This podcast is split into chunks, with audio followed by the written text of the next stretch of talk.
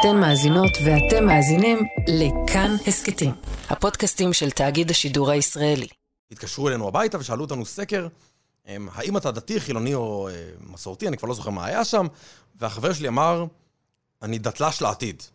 ואז שאלו אותו למה, אז הוא אומר, התפללתי אתמול בכותל ובינתיים אלוהים לא ענה לי, ונראה שאני הולך לחזור בשאלה, כי הוא לא עונה לי.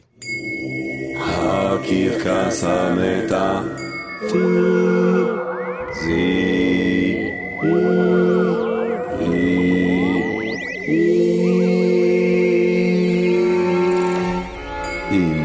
ג'רמי פוגל.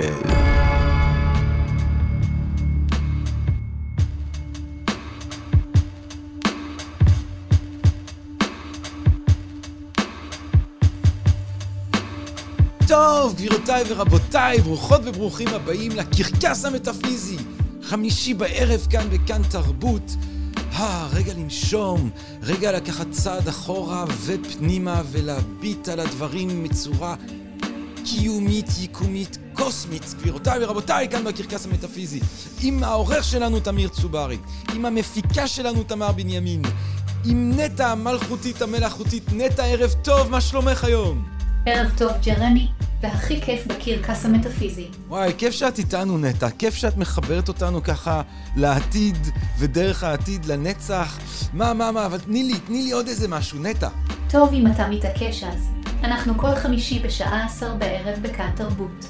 104.9, 105.1 ו-105.3 FM. וכמובן ביישומון שאימצתם בחנות. טוב, גבירותיי ורבותיי, אז היום במופע שלנו כאן בקרקס המטאפיזי אנחנו חוזרים לגיבור, אולי, אולי הגיבור המרכזי בעצם של המטאפיזיקה, אלוהים. האינטליגנציה הקוסמית העל-זמנית העל-חומרית, הדמות אולי שמביאה לנו מזור, הנמען לתפילותינו, אלוהים אשר אהיה, אהיה אשר אהיה האלוהים הזה, אה, הוא לא מפסיק לעניין אותנו כאן בקרקס המטאפיזי, אבל הוא כמובן לא מפסיק לעניין אותנו בתרבות המערבית, בתרבות העולמית. אנו בני האדם מתעניינים באלוהים, אנחנו הזן שמתעניין באלוהים, אולי גם זנים אחרים מתעניינים באלוהים, אולי גם להם יש אלוהים, אני מרבה לחשוב על האלוהים של הפילים. על האלוהים של הדולפינים, אם יש כזה. זה דבר שאנחנו צריכים אולי לפתוח באחד מהפחקים שלנו. היום מה שאנחנו נעשה זה שבעצם נארח כאן את נועם אורן. נועם אורן הוא דוקטורנט מבריק, פילוסוף, כל כולו פילוסוף, כל כולו פילוסוף של הדת. והוא בא, אני חושב, עם תפיסה שונה מהתפיסות שזכינו לשמוע כאן בקרקס המטאפיזי עד כה. נועם אורן רוצה בעצם להציע תפיסה שונה. תפיסה שמבקשת לחשוב קודם כל על המשמעות בעצם של המילים שבהם אנחנו משתמשים כשאנחנו מדברים על אלוהים, כשאנחנו מדברים על תפילה. שיחה מרתקת. נועם אורן. יש לנו כמובן דבר עם המשורר, גבירותיי ורבותיי, היום עם עמנואל לוי, הבן אדם שמאז שהוא חזר בתשובה, אלוהים חזר בשאלה, פתאום הוא מטיל ספק, פתאום הוא לא יודע אם הוא באמת קיים, פתאום הוא תוהה אם אולי הוא כן או היה צריך להפציע אה, בשואה. עמנואל לוי, גבירותיי ורבותיי, מדבר עם המשורר. ואז כמובן מונולוג, אנחנו חוגגים כאן את התרבות האנושית, את התרבות האנושית במלואה, במלוא ססגוניותה, במלוא עושרה. והיום יש לנו מונולוג מחנוך לוין שמבצע אותו שר עודאי, גבירותיי ורבותיי. אז מה, יש פה קרקס, בואו נתחיל. גבירותיי ורבותיי, הקרקס המטאפיזי יוצא לדרך. גבירותיי ורבותיי, ברוכות וברוכים הבאים לקרקס המטאפיזי, תוכנית הלילה של הלילה הגדול מכולם, תוכנית הלילה של היקום. טוב, גבירותיי ורבותיי, הקרקס המטאפיזי, אלוהים ג'.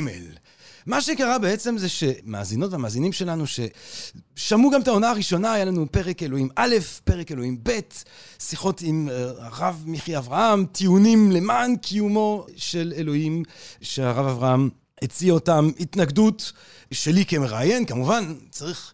נכון, תמיד uh, לאתגר את האורחים שלנו כאן בקרקס. תובל רוזנבסר שנתן טיעונים uh, ממש למען אתאיזם מהצד שלו, ונועם אורן, הפילוסוף שלנו, נועם אורן, אה, שמע את הדברים, וכאבן בנעל הפחיע לו איזשהו משהו. היום, סוף סוף, הוא מקבל זכות תגובה, ואני מאוד שמח שאתה כאן ואתה מגיב. נועם אורן, גבירותיי ורבותיי, שהוא דוקטורנט לפילוסופיה, דוקטורנט מבריק ומצטיין לפילוסופיה של הדת באוניברסיטה העברית, אה, מלגאי רוטנשטרייך, שזה המלגה, חוקר פילוסופיה של השפה הדתית, התפילה, מלמד וכותב בכל מיני במות. נועם אורן, אלוהים, מה רצית לספר לנו? טוב, אז באמת, בפרקים שמענו את הרב מיכאל אברהם, את הרב מיכי ואת תובל, שמענו טיעונים לטובת קיומו של אלוהים וטיעונים נגד קיומו של אלוהים. ואני חושב שבעצם כל הדיון הזה, הדיון הטיעוני הזה, הוא מפספס פה המון מיהו אלוהים ומהי דת ומהי אמונה דתית. ואני חושב שכשמסתכלים על הדברים האלה, כל הדיון הטיעוני הזה קצת מתמסמס. ואני לא אומר את זה בתור בן אדם שלא אוהב טיעונים, הפוך, אני מאוד אוהב טיעונים, זה כל חיי, אבל אני חושב שפשוט הוא מפספס הרבה מהנקודה לגבי מהו אלוהים, מיהו אלוהים. בואו נתחיל מכיוון מסוים ונראה לאן, לאן זה מתפתח. כן. אבל בואו נגיד שהצלחנו להוכיח את קיום אלוהים. כן. בואו נזרום שנייה עם הרב מיכי. לא, ניקח את ההוכחה האונתולוגית או הקוסמולוגית, או אחת ההוכחות שהרב מיכי דיבר עליהן, ונזרום איתה, נגיד שהוא הוכיח משהו. So what? מה, לאן הגענו מפה? הגענו, בוא נגיד, בוא נגיד ההוכחה האונתולוגית. לאיזושהי אינטליגנציה יוצרת. כן, כל הוכחה מדברת על איזשהו אל קצת אחר, כן, ההוכחה האונתולוגית על היש שלא ניתן להעלות על הדעת גדול ממנו, אלא ההוכחה הקוסמולוגית על זה שברא את העולם. אמ, אבל זה איזשהו תכונות שהן לא כל כך מעניינות. בוא נגיד שיש מישהו או משהו שברא את העולם, בוא נגיד שיש משהו שלא ניתן... זה באמת מאוד משהו. כן, זה ממש משהו. זה טיעונים שמובילים למשהו. באמת, או לשלם שאין מושלם ממנו, או לאיזשהו סוג של כוח בורא, אבל אנחנו מאוד רחוקים ממשהו שיש לו את המשמעות הדתית. זהו, להגיע משם לדת זה פשוט קפיצה עצומה. אבל אתה יודע מה, הרב אברהם יש לו טיעונים לזה. הוא אומר, ברגע שאני ביססתי את האינטליגנציה המופשטת יותר, וברגע שיש לי מבחינתי גם הוכחות או הוכחות או עדויות לקיומו לאל יותר פרסונלי, אז אני קושר את הדברים, זה מה שעוזר לו. אני גם קצת פחות משתכנע ספציפית מהטיעונים של הרב מיכאל אברהם. דווקא אני די משתכנע מהטיעונים הפילוסופיים, לפחות מחלקם, לגבי קיומו של אלוהים. ואני לא מצליח לקשר את זה גם באופן אישי, אני יכול להגיד לך, לחיים הדתיים שלי. אבל גם לתופעות, אתה, אתה רואה דעת, זה לא נראה שזה מה שקורה שם. כן. זה לא נראה שהחבר'ה שם פשוט אה, קראו את ההוכחה האונתולוגית ופשוט חזרו בתשובה. אגב, יש כמה כאלה שהם תמיד מפתיעים אותי, אבל um, סך הכל זה לא נראה שזה הסיפור שם. זאת אומרת, זה לא ש... אז מה כן הסיפור? אוקיי, אז, אז אני חושב שפה, אני חושב שהדרך הטובה ביותר לגשת לכל הסיפור הזה, היא דרך ויטגנשטיין. זה הפילוסוף האהוב עליי בהקשר הזה, וויטגנשטיין, משהו כל הזמן מנסה ללמד אותנו, זה לבחון את הדברים כפי שהם באים לידי ביטוי בפועל, ולא איך שפילוסופים אוהבים להסתכל על זה. פילוסופים אוהבים, אה, קצת כמו שמנתחים אוהבים לעשות, להרוג משהו ואז לנתח אותו. ואז לא פלא שאנחנו מגלים שכל דבר שאנחנו מנתחים אותו הוא מת. אבל אנחנו רוצים לראות את הדבר החי, איך, בזמן שהפילוסופים לא מתעסקים בו דווקא.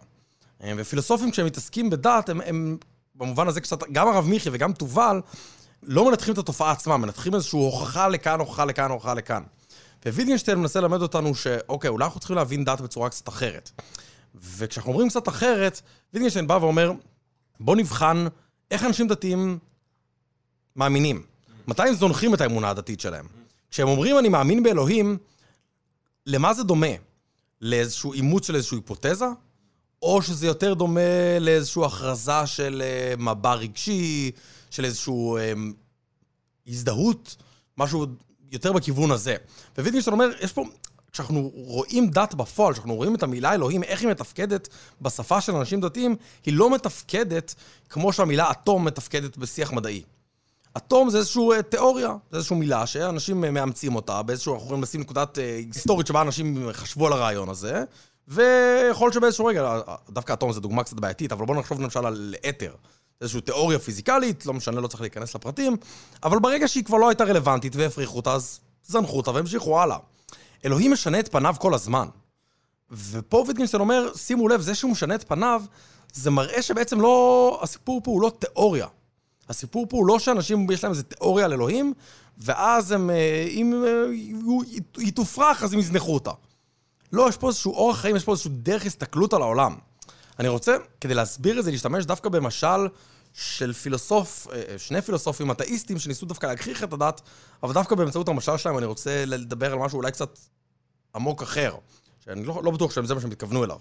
אז הפילוסופים זה ג'יי ג'יי סמארט, פילוסוף אוסטרי, אם אני לא טועה, אוסטרלי, אם אני לא טועה, ואנטוני פלו, שהיה נחשב אולי מגדולי האתאיסטים במאה הקודמת, והם דיברו על משל נורא מעניין של... שזה זוג חברים שמגיעים ליער, ומגיעים לאיזשהו מקום ביער שנראה מסודר באופן אה, מפליא, באמצע היער. ואז אחד החברים אומר, שמע, כנראה שיש גנן. והחבר השני אומר, טוב, תיאוריה מעניינת, אבל יכול להיות שאין גנן. בואו נשב, נעשה קמפינג, ונראה אם יש באמת גנן. והם יושבים ומחכים, ועובר שבועיים ולא מגיע שום גנן. אז החבר שחשב שאין גנן, אמר, טוב, כנראה שאין גנן. החבר אמר לו, לא. אני אומר לך, יש גנן. פשוט הגנן הזה הוא פשוט בלתי נראה. אני מוסיף לך עוד תכונה לגביו, הוא בלתי נראה. אוקיי, זה כבר מוזר, אבל אולי הוא בלתי נראה, אבל עדיין כנראה שהוא פועל, אז בואו נשים איזה חוטים, ואם הוא בלתי נראה, הוא עדיין יצטרך להיתקל בהם. ועובר שבועיים ולא קורה את זה, ואז הוא אומר, טוב, אז כנראה שהוא לא... אה, לא רק שהוא בלתי נראה, הוא גם אה, אין לו חומר, הוא יכול לעבור דרך חוטים או דברים כאלה. ולאט לאט התיאוריה שלו נהיית יותר ויותר מופשטת ויותר ויותר, לא יודע איך תקרא לזה, מוזרה, אמ, כך שנראה, ככה אנטוני פלו וג'יי ג'יי סמארט קצת צוחקים על זה, נראה שבעצם לא נשארה כלום מהאמונה המקורית.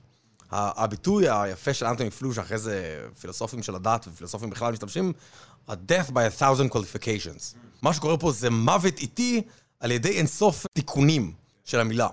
זאת אומרת, בהתחלה אמרת, אני מאמין באלוהים, אבל אה, בסוף הפריחו לך את הטענה הזאת, אז זנחת משהו קטן, זנחת, שינית תיאוריה. אם היית שואל אדם לפני אלף שנה, זה, זה המשל הרי, מה זה אלוהים? הוא אומר לך משהו נורא נורא מופשט, משהו נורא נורא, משהו נורא ברור, לא מופשט. כן, מאוד ברור, מה כן. זה משהו נורא נורא הוא טכני. בכה, הוא יוצר, הוא הוא מוריד את בשמיים. הגשם, הוא דברים כאלה. הגענו לשמיים, הוא לא נמצא. טוב, אז אז הוא נהיה יותר מופשט. בדיוק. מצאנו את המפץ הגדול, אז הוא נהיה יותר אה, מטאפיזי עוד, בדיוק, יש פה איזשהו ולאט משהו לאט הוא כזה. נעלם לנו. נכון, והם אומרים בעצם המילה הזאת הפכה להיות איזושהי מילה ריקה מתוכן, וכל תיאוריה שנפריך, אתם תסגו עוד אחורה, אתם הדתיים. הם מנסים באיזשהו מובן לבוז לדת. ואני חושב שהם עולים פה על נקודה נורא נכונה. זאת אומרת, זה באמת התיאוריה הנכונה של מה שקורה, אבל זה בגלל שבאמת, זה מה שהיה שם בעומק, זה מה שהיה חשוב. עצם ההסתכלות על שיש גנן לסיפור הזה, המשל פה הוא משל נורא נורא חשוב. הוא לא משל אה, סתמי, זה לא בא לבוז לדת, הוא בא דווקא לפי דעתי לחשוף את העומק שבדת. הדת היא איזשהו דרך הסתכלות, דרך חוויה של העולם, ולא איזושהי תיאוריה. ולכן כשאתה מפריך לי תיאוריה, טוב, אני זונח את התיאוריה. התיאוריה לא כל כך חשובה לי. אבל הדרך הסתכלות זה מה שאני ממשיך לדבוק בה. אני חושב שזה דרך הרבה יותר אז אתה בעצם בא, לא. מורד, אתה כן. בעצם בא ואתה אומר, השיחות שלכם שם, אלוהים א', אלוהים ב', אבל בעיקר אולי גם שיחות רבות ומרובות בעולם, ביקום, מחוץ לקרקס המטאפיזי, יש כזה דבר, עוסקות באיזשהו סוג של אובייקט, או סובייקט, יש לומר, אלוהים, שמתישהו יש איזושהי דלת כלשהי קוגניטיבית, טיעון כזה או אחר, אתה תדפוק בדלת, והנה, הוא יתגלה לך בממשותו. ואתה אומר, כל המשחק הזה מלכתחילה, אתה חותר מתחת להנחת היסוד שצריך להתייחס לאלוהים כאל איזשהו סוג של משהו שצריך לאתר אותו אינטלקטואלית. אתה אומר, בעצם אלוהים זה מילה שהאופן שבו היא מתפקדת בשיח הדתי היא כביטוי לגישה מסוימת כלפי העולם. כן, כן. אני, אני חושב, הדרך שאני מדגים את זה הרבה פעמים, ואני חושב שזה מדגים את זה פשוט נורא נורא טוב, זה הדרך של אנשים להסתכל על ניסים. אז זה סיפור שאני אוהב לספר, ואולי כבר סיפרתי את זה איתך באיזשהו פודקאסט אחר, אני לא בטוח, אבל סיפור מספיק טוב שאני מוכן לספר אותו כמה פעמים. כשהייתי בטירונות, אז uh, חבר שלי שאל אותי אם אני מאמין בניסים, ואמרתי לו שהתשובה היא מבחינתי לא. הוא שאל אותי, איך אתה לא מאמין בניסים? ואז אמרתי לו, אמ, שמע, אני אף פעם לא ראיתי ניסים, כן? וכל מי שדיווח לי על נס אה, היה או אדם מפוקפק, או מאיזה כלי שביעי, זה לא נשמע לי כמו משהו אמין. והוא אמר לי שהוא רואה ניסים כל יום. וזה לא שהניסים שהוא רואה כל יום זה אה, קריעת ים סוף והתגלות אלוהית ומעמד הר סיני, הוא רואה את השקיעה ואת הזריחה כנס, הוא רואה את אה, המתנה שחבר שלו הביא לו, את החיוך כאיזשהו נס. וההבדל הגדול בינינו איננו באיזושהי עובדה שאנחנו חלוקים אחד על השני. גם אני חושב שיש שקיעה וזריחה, גם הוא אה, רואה את הדברים כמוני, אבל ההבדל בינינו נעוץ ביחס שלנו לעולם.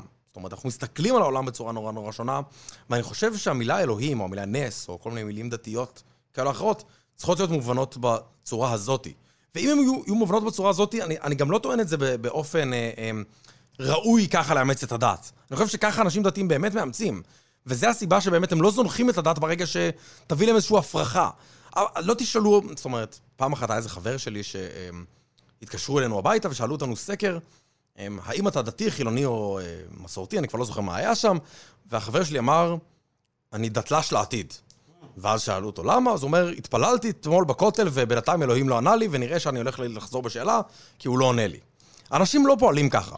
אתה בעצם אומר, זאת אומרת, כמו החבר, לגבי הנס, אה, הוא אומר, אני במצב תודעתי של התפעלות בעצם. איך אומרים הסינים? הנס הוא לא שאתה אה, הולך, שאתה עף באוויר או הולך על המים, הנס הוא שאתה הולך על האדמה. זאת אומרת, יש מצב של התפעלות אל מול עצם היש, והכל בעצם אז נהיה לי ניסי. מה, מה המצב התודעתי, אבל, תתאר לי את המצב התודעתי, את הפנומנולוגיה, כמו שאומרים אה, בחנות, מה המצב התודעתי של מי שאומר אני מאמין באלוהים? אז, אז מה הוא כן אומר? זאת אומרת, אם אני לא אומר, יש איזושהי אה, שוב, כוח אני... בשמיים שבורא ומשגיח, מה אני בעצם אומר? אז דבר ראשון, אני לא רוצה להגיד שאין אנשים שכשהם אומרים...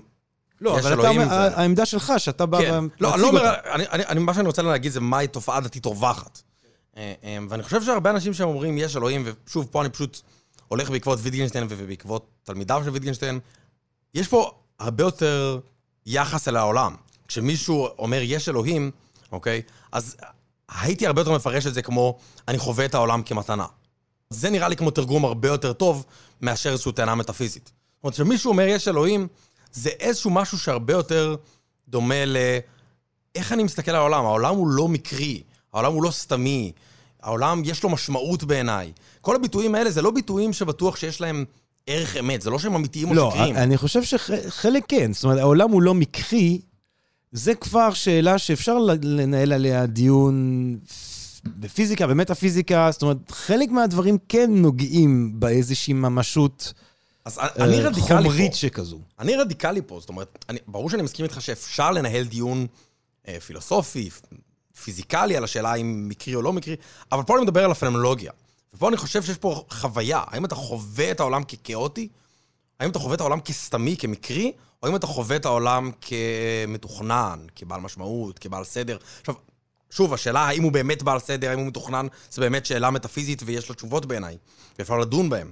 אבל האדם הדתי חווה את העולם, לפי דעתי, כעולם בעל משמעות, כעולם בעל סדר, ופה אני לא בטוח שהבנה של זה כ... הוא פשוט אה, השתכנע מטיעון, זה, זה נראה לי כמו הבנה שגויה פשוט של הסיפור. אני רוצה לשאול אותך, אבל אה, ככה, אתה יודע, יש את הסיפור אולי קצת אגדי בנוגע להרמן כהן, שהוא בבית כנסת, והוא נותן החצאה מלומדת על הניאו-קנטיאניזם שלו, ומסביר את אלוהים כאידאה אתית שחייבת להתקיים למען התיקון של זה, וסיפורים, והרצאה מלומדת גדולה וזה, ולפי האגדה, או כמו ש... אה, רוזנצוויג מציג אותה, נדמה לי, אבל אה, בסוף בא יהודי קטן, פשוט, ואומר לו, אבל מה עם האלוהים של אברהם, יצחק ויעקב? והרמן כהן דומע, כן? אה, ובא לי לשאול אותך, מה עם האלוהים של אברהם, יצחק ויעקב? אז ויטגנשטיין ושפה, ובתוך השפה טמון איזושהי גישה וזה, אבל אנשים לא רואים אותנו, אתה, אם יורשה לי לומר, איש חובש כיפה. אה, מה עם האלוהים של אברהם, יצחק ויעקב בתוך כל ה... ה אולי באיזושהי צורה רדוקציה שלו לשיח, למשחק שפה. אני חושב שאני לא חוטא מאוד לסיפור, זאת אומרת, אני מנסה להבין בדיוק, כשאנשים מדברים על אלוהי אברהם, יצחק ויעקב, על מה בדיוק הם מדברים. אז זה נכון שאם היית הולך לבן אדם ללפני, אה, לא יודע מה, אלפיים שנה, אלף שנה, אני לא יודע למי אתה רוצה בדיוק לפנות פה, יכול שהוא ממש היה מדבר על איזושהי ישות מטאפיזית ברורה, או דברים כאלה, אבל מה שאני רוצה זה לתפוס את הליבה, את מה שחשוב שם. מה שחשוב שם, זה דווקא לא היה הליבה המטאפיזית הזאת, ומה שהראיה לכך, זה שבאמת כאשר היו כל מיני הפרחות מטאפיזיות, אז זנחו את המטאפיזיקה או שינו את המטאפיזיקה, אבל דבקו בגישה, ביחס, בדברים האלה. ולכן אני לא חושב שאני מאבד פה את הליבה.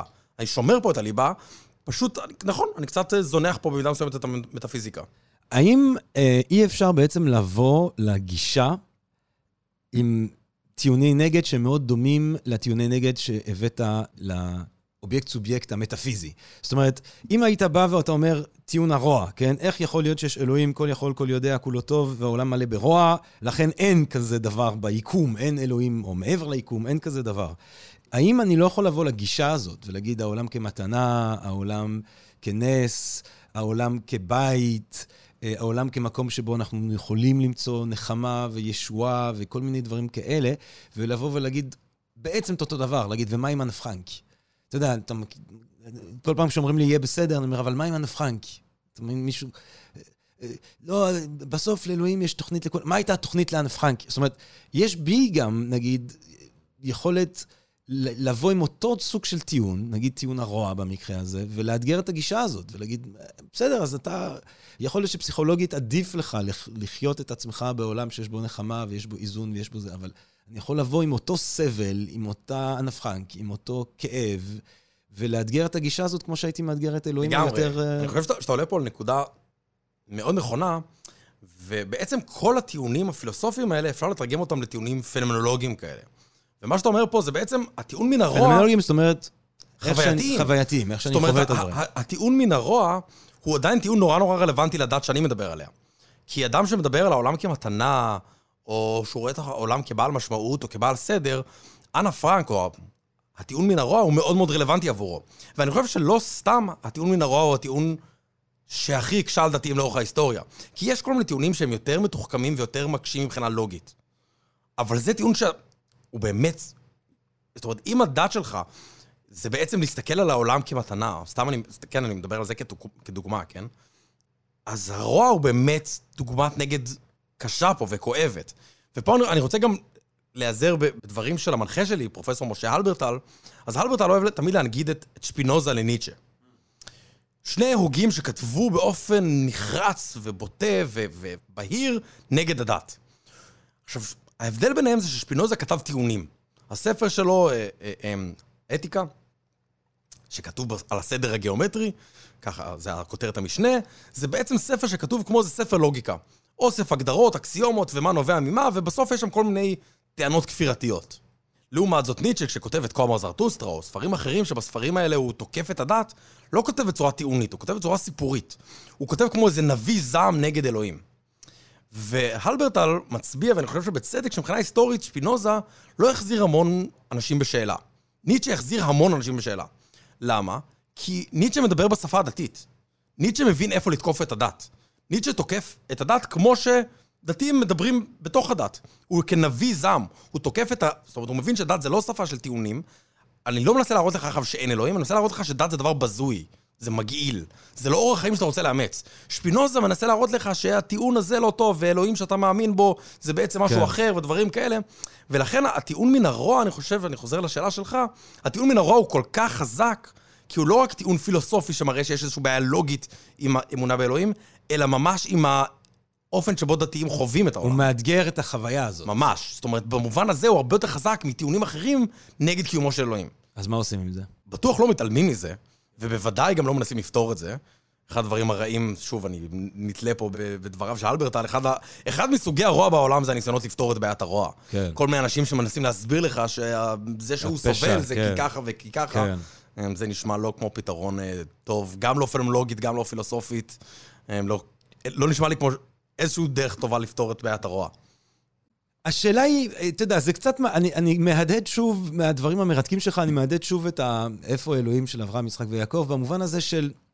אני תוהה אם מאזינים... אני, אני אפילו אספר לך סיפור על עצמי. כן. שקרה לי לא מזמן, שמעתי על אה, דמות קרובה שהוא רב, שהוא... אה, אה, קרה לו איזשהו אירוע אה, מוחי, וליבי יצא אליו, וישר אה, המשפחה שלו ביקשה לקרוא תהילים לרפואתו. וישר נכנסתי ללינק וקראתי תהילים לרפואתו. אה, עכשיו, אם תשאל אותי מבחינה אמונית, האם אני ממש מאמין שתהילים יכולים לרפא אותו? התשובה היא לא. כן, אני לא יכול להאמין בדברים האלה. ובכל זאת היה לי משהו נורא נורא אינסטינקטיבי, שרציתי לקרוא תהילים, וגם התכוונתי, זאת אומרת, התפללתי לרפואתו.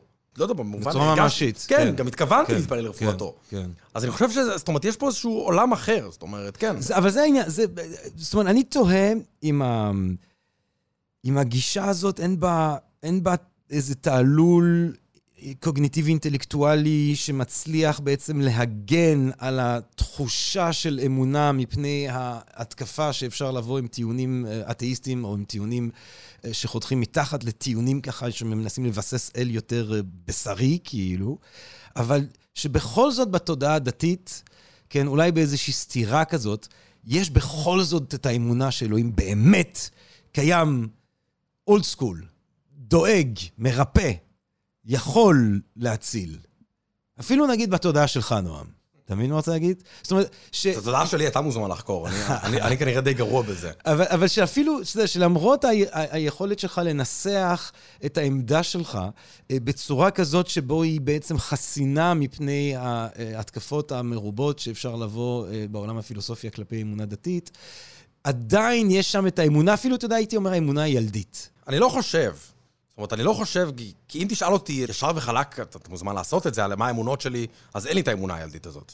לא, אבל מבין, בכלל. מצד אחד, אה, כאילו, אני, ולא רק אתה, אפילו גם אני, זאת אומרת, מצד אחד אתה לא מאמין שלקחו תהילים יגרום לפעולה אנרגטית של, אה, אה, אתה יודע, ראש ממשלת העולם אה, למען אדם מסוים, ומצד שני, באותו הזמן ממש, יש מקום שם שגם עדיין מאמין בזה. אז אני חושב שהדרך הטובה יותר להסביר את זה, זה לא איזה דיסוננס קוגניטיבי קיצוני, אלא אולי להבין שהתפילה הזאת היא איננה זהה ל... כמו שאני אקמול או משהו כזה. זאת אומרת, זה לא שאני באמת אה, גם מאמין שתפילה עוזרת וגם שאני לא מאמין שתפילה עוזרת. אם תשאל אותי כאמונה, אה, מה אמונתי הרפואית, לא, אני לא מאמין שתפילות, אה, אה, קריאה בתהילים תעזור לאותו בן אדם. אבל יש פה איזושהי פרקטיקה שאני פשוט, זה הפרקטיקה שאני עושה, כשמישהו חולה, אני ממש, ליבי יוצא אליו, ככה אני מבטא את רגשותיי, ככה אני מבטא את דאגתי אליו, מבטא את אה, האמפתיה שלי כלפיו. אני חושב שזה לא איזושהי סתירה במובן הזה. אני חייב להגיד שיחד עם זאת, אין לי שום בעיה עם הדיון הפילוסופי בשאלה האם קיים אלוהים. זאת אומרת, כל הדיון הזה של הרב מיכי ושל תובל וכל מיני דברים כאלה, הוא עדיין דיון מעניין בעיניי, ובעיניי יכול תשובה חיובית, ואני נוטה לתשובה החיובית פה. דווקא במובן הזה, היית יכול להגיד שאה, אני בעצם אתאיסט במסווה, אני לא אתאיסט במסווה.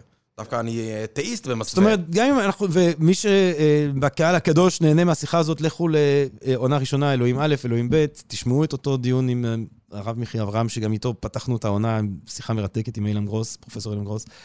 אתה עדיין אומר, אני רואה בטיעונים האלה גם ערך מסוים, אבל אני בא ומציע... אני גם משתכנע מהם. כן. אז תראה, אני, מה שאני לוקח מהשיחה הזאת זה באמת העניין הזה של מה שורד באיזושהי צורה. יש איזה משהו כמעט דרוויניסטי, אה, ניתוח אבולוציונרי כזה של האמונה, שמה ששורד את החתירה המתמדת דור אחרי דור מתחת לאל הבורא, שהוא ממש בתוך הפיזיקה, ואז אולי בתוך המטאפיזיקה, בסוף מה ששורד זה באמת הגישה הזאת, הגישה הדתית, ההודיה הזאת, שרוצים להודות. אני חושב שזה גם מה שקרה, זה מה שקורה בפועל כל הזמן יותר ויותר. יש אה, אה, אה, היסטוריון של רעיונות, ג'ון הרמן רנדל, אמריקאי, שמנסה לטעון בדיוק את זה. שהדת לכתחילה הייתה איזה משהו מאוד, כמו שאנחנו, לא יודע איך נקרא לזה, קצת פרימיטיבי. מגי. משהו, כן, משהו מגי כזה. וככל שעבר הזמן, המדע והתפתחות הזה השילה חלקים מהדת, אבל במידה מסוימת היא השאירה את הליבה שלה. היא השאירה את, את החלק המרכזי שבה, כי שאר הדברים בעצם, המדע לקח את התפקיד, וזה בסדר שהוא לקח. כי הורדת גשמים ולהבין איך לתפקד, ב, איך לרפא חולים, מעולה שהמדע לקח, הוא עושה את זה הרבה יותר טוב, אוקיי? מה שהדת נשארה, זה מה שהיה הדת לכתחילה, זה היה הליבה של הדת. זה מה ש... זה, זוהי דת. כן, לא, אבל אז, אז, אז אם כך, למה היא הייתה מגית גם בתחילת דרכה? כי באמת הדברים היו הרבה יותר מעורבבים אז. זאת אומרת, כן. אז היה איזשהו... אה, לא, אז, המאגיה היה סוג של מדע. זה, יותר מה שהיא אמורה להיות מלכתחילה, מאשר אולי... אוקיי. כן, כן. בסדר, אני מוכן לקבל גם את זה. היא אמורה להיות גישה לעולם, גישה דתית. אני מאמין באלוהים, כן. אגב, ברגע... אני מאמין בהודיה בעצם. נכון, ברגע, אגב, שמדברים בשפה הזאתי, א', אני חושב שהרבה מהאנטגוניזם כלפי דת ירד פה. זאת אומרת, אנחנו כבר לא מדברים על איזה טענות מטאפיזיות או דברים כאלה, וגם אנחנו מכניסים עכשיו, ש... אפשר לה- להכניס שאלות, שאלות כמו שאלות של יעילות.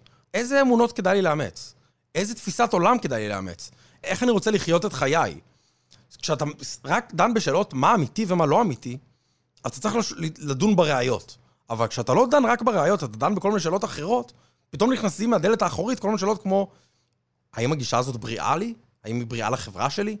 ואז זה, זה, זה נשמע כמו שאלה מוזרה, אבל אם מישהו מציג לך למשל רעיון דתי, אז נראה שהשאלה הראשונה שאתה אמור לעלות, לשאול את עצמך זה, האם הרעיון הזה נכון? והגישה שאני מציע, ושוב, אני לא, לא לוקח על- עליה קרדיטס, כן? זה ויטגנשטיין ו- ותלמידיו, אני משתמש פה גם בוויליאם ג'יימס ועוד כמה, בעצם אומרת, אוקיי, השאלה היא לא צריכה להיות האם זה נכון, אלא איך זה משנה את חיי, איך זה רלוונטי עבורי, ואני חושב שזו שאלה הרבה יותר מעניינת והרבה יותר לגיטימית בהקשר הדתי. נועם אורן! אנחנו מוחאים לך כפיים, זה היה מרתק. תודה. אני חושב שזה מוסיף, אכן, אמ, רובד. צריך להביא את הרב מיכי ואת תובל כדי להגיב לזה. כן, זהו, אנחנו עושים... בסוף יצא לנו סוג של תלמוד אה, רדיופוני כאן בקרקס המטאפיזי. נועם אורן, תודה רבה לך שבאת לבקר אותנו. בכיף, תודה. לילה טוב. לילה טוב. דבר עם המשורר, דבר עם המשוררת, דבר עם המשורר, דבר עם המשוררת. טוב, גבירותיי ורבותיי, אנחנו כאן בפינה שלנו לדבר עם המשורר, והפעם, עמנואל לוי. מה, אני? עמנואל לוי, גבירותיי ורבותיי. אני, אני? עמנואל לוי, אתה, אתה. יאללה, תקחי שיר אם אתה משורר. התחש. כל אחד יש לו תפקיד בעולם הזה. מלבד התחש. התחש, אין לו תפקיד בעולם הזה. הוא, כל תפקידו, להיות בתפקיד. באיי אנדמן היה חוק שאסור לאכול תחש. למה חוקקו? כי אף אחד לא אכל תחש בלאו הכי, ורצו שתהיה סיבה. נשאל אותו, אולי יש לו תפקיד בעולם הבא? תחש, יש לך תפקיד בעולם הבא? התחש עונה? מיד אני בא. מה היא תורה? היה אחד בלי תפקיד, עשו לו תפקיד. מהי אהבה? היו שניים בלי תפקיד, עשו להם תפקיד. מהו שברון לב? היו שלושה בלי תפקיד, עשו להם תפקיד. מהו עולם הבא? היה שום דבר והפכו אותו לתחש. מעשה בתחש שהלך לבית הכנסת. שאלו, תחש, מה לך ולבית הכנסת? ענה, מודה אני לאלוהים שלא נתן לי אושר. שאלו, תחש, איזה תודה היא זו? ענה, שאז היו מחוקקים שחייב אני להיות מאושר. עמנואל לוי, עמנואל לוי, גבירותיי ורבותיי. אה, עמנואל לוי, איפה נתחיל? תגיד, עמנואל, מה זה שירה? שירה זה כשכותבים אה, כל מיני אה, מילים ודברים בצורה לא נכונה, לא ברורה, עושים כל מיני טעויות, נוצרים כפלי משמעויות לא מכוונים. ואז לפני שאתה שם לב מאיזה כתיבה מדעית מדויקת, אתה עובר למשהו שהוא לא מובן, הוא לא מובן, וצריך פרשן בפל... בשביל לפרש אותו. ופה מתחיל מעשה השירה. למה זה טוב? למ- למה זה טוב לדבר לא ברור? כן. הוודאות היא כל כך מרה, היא כל כך מחורבנת, היא כל כך חסרת תקווה. ובאי הוודאות יש בה תקווה גדולה. כשדברים הם לא ברורים, הם יכולים להיראות ורודים, הם יכולים להיראות צבעוניים. אי הוודאות של השירה היא הנחמה הגדולה בחיים שלי. איך נוצר אצלך שיר? אתה מאלה שכותבים ככה בדקה וחצי, או אתה עובד על זה חודשים? איך זה קורה? אני כותב המון המון זבל, שטויות גמורות, שטויות גמורות, כי קשה לי להירדם. אז מה שאני עושה, אני לא מצליח, יש לי בעיות שינה. דוקטורים ניסו הכל. אני יושב, אני כותב, ואני כותב, ואני כותב, ואני כותב. אז בבוקר אני מסתכל, אני אומר, אוי ואבוי, מה שזה, זה לא ראוי למאכל של בהמה. אז אני מוחק הכל, כל מה שאני יכול למחוק, אני מוחק. ומה שנשאר, אני שולח לעודד כרמלי, העורך. אז הוא מוחק עוד קצת, ובסוף מה שנשאר זה השיר. השמש שרה למלכיאור, הספר ביקורים שלך, שלפי מיטב הבנתי אי אפשר להשיג אותו כבר. זהו. מכרת את כל העותקים. אני חשבתי שמכרתי את כל העותקים, ואז הגעתי אליך להתראיין ברדיו, וגיליתי שאתה החבאת את העותק האחרון. אני הלכתי לחנות ספרים, אני קניתי את שני העותקים האחרונים בכספי שלי מהחנות ספרים. פתאום אני רואה, אתה מסתובב פה עם סטוק, עם ארגז. עכשיו, יש משמעות מיוחדת, אתה חושב, כאיש קודש לכתיבה בשפת הקודש? זה לא זה לא לא. עול, זה לא אחריות כבדה על הכתפיים שלך? שגם אתה וגם אלוהים משוררים באותה שפה? אני חושב שעברית היא שפה שיש יתרונות מיוחדים לכתיבה בה. מכיוון שהיא באמת יחסית רב-משמעית, אני חושב, לשפות אחרות. גם בקריאה שלה, אתה יודע.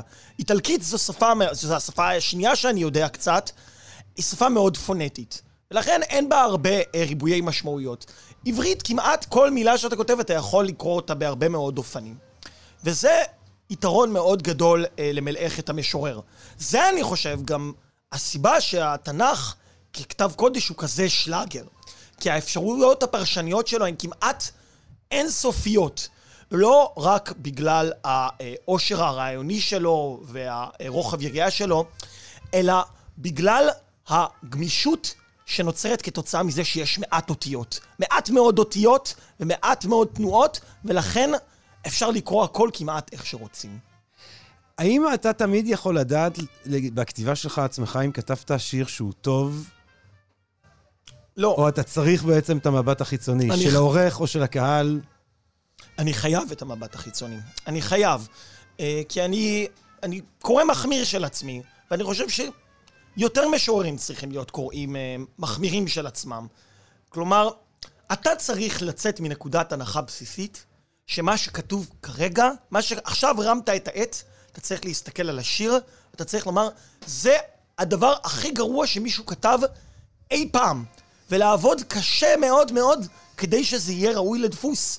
קשה מאוד מאוד. וכשאתה מגיע לאיזושהי רמה של שלמות, אתה אפילו לא צריך לחשוב שהשיר טוב, אתה צריך לה... לחשוב שהשיר שלם, רק אז אתה יכול לפנות לאיזושהי חוות דעת חיצונית. אבל אתה צריך, עדיף להחמיר יותר מדי מאשר פחות מדי. ככה אני סבור. חוץ ממך, עמנואל לוי, איזה משורר צעיר או משוררת צעירה בשפה העברית אתה אוהב במיוחד? אני מאוד אוהב את עומר ולדמן. אהה. אני מאוד אוהב את הקריאה בשירים שלו. אני אוהב את זה שאני מתחיל בנקודה מסוימת ואני לא יודע לאן אני אלך. זה כמו אה, Twin Peaks של אותיות. עוד משוררים מהדור שלי, שזה דור צעיר, אני חושב שאני הכי צעיר פה שיושב אה, אה, בחדר הזה. זה באמת, באמת ביזיון. אבל כולכם תהיו צעירים יום אחד. אני מאוד אוהב את נוח אנגלהרד. נוח אנגלהרט. נוח אנגלהרד הכוכב, יש לו שיר שהוא כתב על אימא שלו בכיסא גלגלים. נכון, כל פעם אני טוב. קורא את זה, אני, שיר אני טוב. בוכה. שיר טוב. ואני מאוד קשה לי לבכות. האם אתה חושב שיום יבוא ואתה תכתוב שיר כל כך טוב, כן. שאתה לא תרצה לכתוב עוד? זהו, זה יהיה השיר. לא, אם, אם אני אכתוב שיר כזה טוב, אני ארצה לכתוב עוד. השאלה אם אני אכתוב שיר כל כך גרוע שאני לא ארצה לכתוב עוד. זה הפחד. זה מה שמפחיד. כי אנחנו מקבלים את העולם הזה, אנחנו לא רוצים להשחית אותו. אנחנו לא רוצים לקלקל אותו. אנחנו רוצים לעזוב אותו, אתה יודע, כמו בעל בית נרגן, אתה רוצה להחזיר את הבית כמו שקיבלת. ואפילו יותר טוב ממה שקיבלת. איפה שהיה איזה סדק בקיר, אתה רוצה לכסות עם שפכטל שלא יראו. והמשורר, אני חושב, הוא צריך כל הזמן להיות בבדיקה עצמית. האם אני אה, משאיר עולם שירה יותר מתוקן ממה שקיבלתי? האם אני מוסיף או מחרב? החומרה הזאת היא מאוד מאוד חשובה, אני לא, לא יכול להתאים את זה יותר. שתי טיפים לסיום, למשוררות, למשוררים הצעירות הצעירים שמאזינים, או לצעירות והצעירים פחות שמאזינים לקרקס המטאפיזי. עמנואל לוי. קודם כל, אל תכתבו על עצמכם. זה נשמע הצצה מגוחכת, כי זה מה שמרגש את האנשים, הרפש בנפש שלכם. אז, זה- וזה נכון, באמת מאוד קל אה, למכור ככה שיר שכולם יאהבו וכולם ייהנו ממנו. אבל נסו לחשוב על הדבר שעדיין לא כתבו עליו. על החיה שעדיין לא התעסקו בה, על הצמח שעדיין לא נגעו בו, על השכבה הגיאולוגית בכדור הארץ, שבה ספציפית עדיין לא עסקו. ואז אתם אולי לא תרוויחו את אהבתו האינסופית של כל אחד, אבל של מישהו כן. וגם תשאירו, אני חושב, כמו שאמרתי, עולם יותר מתוקן ממה שקיבלתם. זה טיפ ראשון. שני, טיפ שני, אל, אל תדברו כמו שאתם uh, מדברים. כולנו מדברים, אתה דיברת קודם על העברית, קיבלנו בפיקדון איזה שפת קודש, אנחנו שופכים אותה כמו זבל, אנחנו מלהגים המון המון המון שטויות. נסו לחשוב, למצוא כלשהו שלכם, וכלשהו מיוחד, וזה לא הקול שאתם מדברים בו עם החבר שלכם על הבורקס שאכלתם. זה קול שיאה לרעיון שבחרתם לעסוק בו. אם זה אהבה, ואם זה עופות חול, ואם זה, לא יודע, ההומאוסטזיס, נסו למצוא שפה שתהיה יאה לשירה ולעולם. שיר שני, תעזוב אותנו עם עוד שיר, עמנואל לוי, גבירותיי ורבותיי. אוקיי, אני אשיר את השיר הזה, אני מקדיש אותו לך, ידידי היקר, שהזמנת אותי למרות שידעת שאני צרוד, כי הייתי במסיבת קריוקי. תעופה. אלמלא היו בעולם ציפורים, היינו למדים תעופה מפרפר. ואם לא מפרפר, מדבורה. ואם לא מדבורה, מיתוש. ואם לא מיתוש, מפסנתר כנף. עמנואל לוי, גבירותיי ורבותיי, דבר עם המשורר. גבירותיי ורבותיי, המונולוג.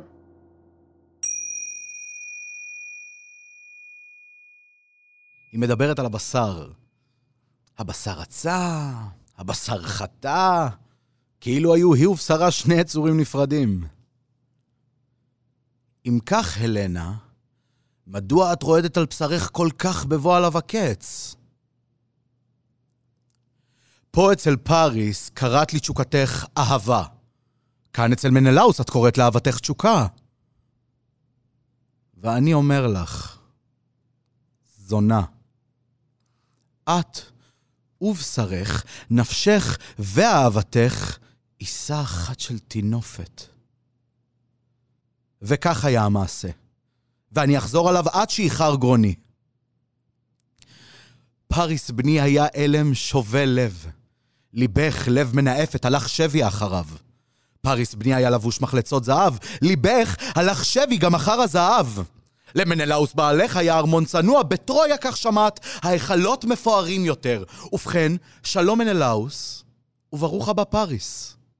במלחמה עצמה, כשהוטתה הכף לטובת יוון, פתאום נזכרת בגעגועים למנלאוס, וכשגברה יד טרויה, שכחת את מנלאוס, התרפקת על פריס.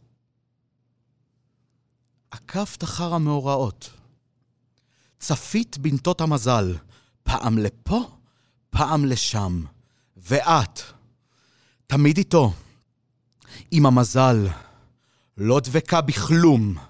לא בחובה, לא ברגש, לא ביושר ונאמנות, רק איכשהו תמיד תמיד נדבקת למזל. עשר שנים היית עמנו. האם ניסית להימלט? ואם כל כך אהבת את בעלך וחשת גבולה בטרויה, האם ניסית לשים קץ לחייך? מישהו מצא אותך פעם מהדקת חבל לצווארך או מקרבת לאף פגיון לחזך? לא. לא, הלנה. חזך וצווארך ידעו רק תמרוקים. כי האמת היא שיכולת ללכת. אני, בהיותי מלך, הפצרתי בך לנטוש את טרויה. לכי! אמרתי לך, לכי! בני ימצא אישה אחרת לאהוב, אני אעזור לך להגיע לספינות היווניות ולסיים עבורם, כמו עבורנו, את המלחמה הארורה הזאת. ההצעה לא קסמה לך. קסמה לך טרויה, קסמה לך גם יוון, אהבת לראות איך העולם כולו יוצא מדעתו בגלל הלנה. ועכשיו בלי שמץ של בושה. את עוד מעיזה לשבת כאן עדיין בבגדי מלכות, לעמוד זקופה כמו משקיפה מן היציאה לאסונם של אחרים. היכן ליבך? הארץ מלאה נשים בוכות, היכן בחייך? היכן השק והאפר על ראשך? היכן ברכייך לקרוא עליהם לסחול רועדת על חייך? כל מי שיש לו פה צועק, רק את שקטה!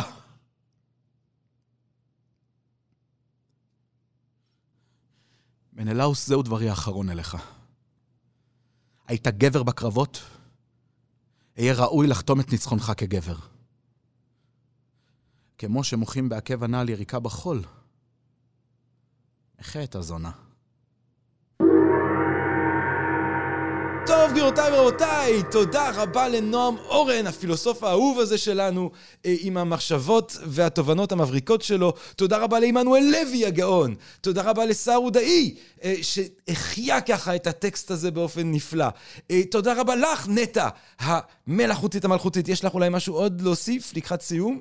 התעוררתם עכשיו, אל דאגה. כל הפרקים מחכים לכם ביישומון שלנו, או בכל יישומון הסקטים אחר. ועוד איך. ותודה רבה לך, תמיר צוברי העורך שלנו, תודה רבה לך, תמר בנימין המפיקה שלנו, וכמובן אנחנו כאן בקרקס המטאפיזי מסיימים הכי גבוה, הכי נשגב שרק יכול להיות, גבירותיי ורבותיי. על שלושה דברים העולם עומד.